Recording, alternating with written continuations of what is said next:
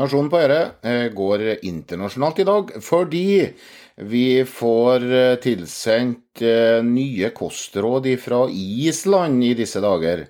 Hva om vi heller importerer noen kyr fra Irland?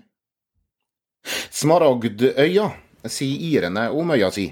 Fra lufta ser den ut som et sammenhengende beite. Irland er egnet for golfbaner, myter og kyr. 6,5 millioner storfe på 100 000 gårdsbruk gjør Irland til en av verdens største eksporterer av kjøtt og melkeprodukter.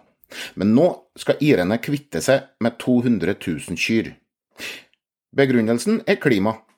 Siden landet sliter med å nå målene sine for utslippskutt, skal landbruket flagge ut 20% av klimautslippene til andre land. Mens produksjonskutt i land som Norge går utover nasjonal selvforsyning, så går irenes kukutt utover nasjonaløkonomien. I 2019 så var eksportverdien fra landets kyr 6,5 milliarder euro. Bare bandet U2 er i nærheten av å skape like store eksportinntekter. Irland eksporterer rundt 250 000 levende storfe hvert år. Årets eksport kan gå til Norden.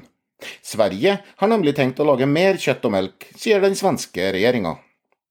Landsbygdsminister Peter Kullgren fra Kristdemokraterna sier Storfeproduksjon er nettopp en produksjonsform som vi har gode naturgitte forutsetninger for. Da er det rimelig at dette også setter sitt preg på vårt kosthold.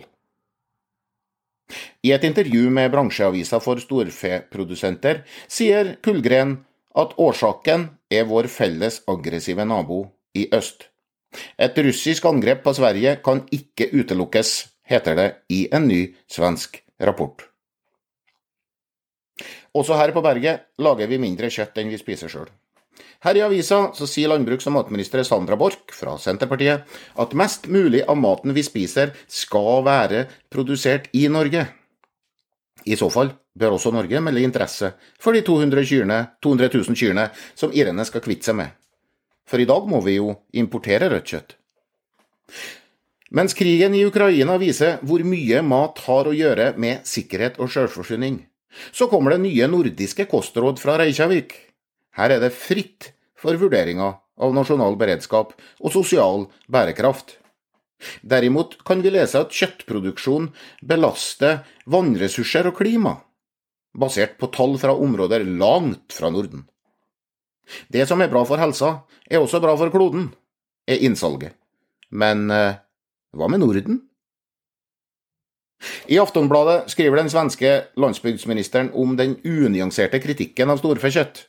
Svenskene vil endre kostrådene som kommer fra Irland, nei, fra, unnskyld, fra Island, for å sitat, bidra til å styrke vår forsørgelsesevne, anerkjenne fordelene med dyreproduksjon og utgå fra vi, hva vi i Sverige har gode naturlige forutsetninger for å produsere. Det her høres ut som noe Sandra Borch kan skrive under på. Det virker ikke som heller Helsedirektoratet har helt trua på rådene som kom fra Reykjavik på tirsdag. Divisjonsdirektør Linda Granlund snakker riktignok om et veldig godt kunnskapsgrunnlag om kjøtt og alkohol, men hun sier også til NRK at det er lov å kose seg med alkohol, selv om rådene altså sier at du aldri bør kose deg med alkohol i det hele tatt. Granlund sier vi må gjøre vurderinger basert på litt sånn særnorske hensyn, for så å omforme til pedagogiske og forståelige kostholdsråd. Da blir det neppe noe nasjonalt råd om maks 350 gram kjøtt i uka. Nordmenn er rike, men spiser ganske lite kjøtt, i et land som er svært godt egnet for kjøttproduksjon. Vi vil rett og slett ha tungt for å ta råd om kraftige kjøttkutt.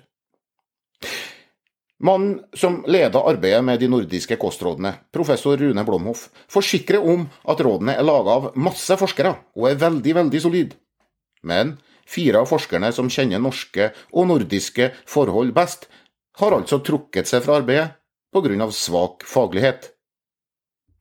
I svenske Aftonbladet så skriver Blomhoff at dagens nasjonale kostråd i Norden anbefaler mye mindre kjøtt enn hva vi spiser i dag. Det er feil. nordmenns overforbruk av kjøtt i forhold til norske kostråd tilsvarer i dag én til to skiver salami per dag.